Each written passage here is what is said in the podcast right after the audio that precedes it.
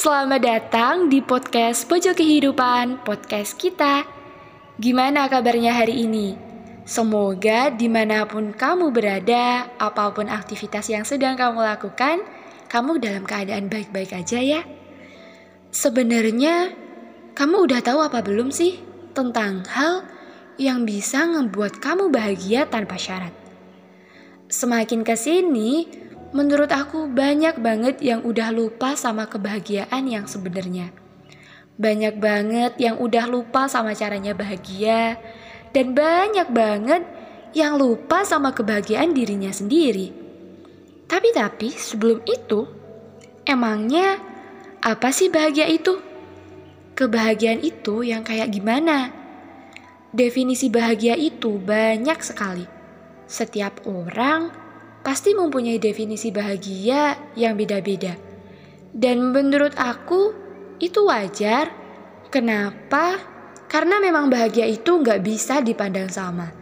Bahagia itu nggak bisa dipukul rata. Kalau menurut KBB ini, bahagia itu adalah suatu keadaan atau perasaan senang dan tentram, bebas dari segala hal yang menyusahkan. Jadi intinya, bahagia merupakan kepuasan terhadap hidup gitu. Contohnya gini deh, waktu kita di kelas, terus waktu ujian harian gitu ya. Ada temen yang dapat nilai 70 udah seneng banget. Karena dia itu belum pernah gitu dapat nilai segitu di mata pelajaran yang menurut dia itu sulit dan butuh waktu lama buat bisa memahami materinya. Nah, kita nggak boleh tuh nganggap itu sebagai hal yang norak atau apa pun yang bisa nyakitin hati dia, bahkan ngebuat dia kecewa. Ya karena itu tadi, kebahagiaan orang itu beda-beda. Ingat, perlu digarisbawahi nih, kalau kebahagiaan setiap orang itu beda-beda. Terus ada juga orang yang kerja keras mati-matian, banting tulang, sampai kayak gak ada waktu buat keluarga.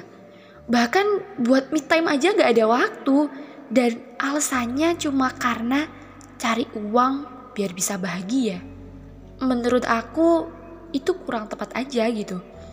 Bahagia itu gak bisa dijadiin tujuan hidup. Karena ketika bahagia dijadikan tujuan hidup, kamu tidak akan bahagia dalam setiap prosesnya. Kalau kamu bisa memahami konsep itu, Aku yakin kamu pasti bisa lebih bahagia dan jadi lebih santai dalam menjalani keseharian tanpa harus memikirkan apa sih yang membuat aku bahagia. Dulu aku selalu bersikap tidak enakan kepada orang lain. Iya bukan karena apa-apa, tapi karena aku takut mereka merasa kecewa dan malah berakhir dengan terjadinya lost kontak. Akhirnya, aku melakukan apa yang selalu orang lain inginkan. Padahal, aku merasa tidak nyaman dalam melakukannya.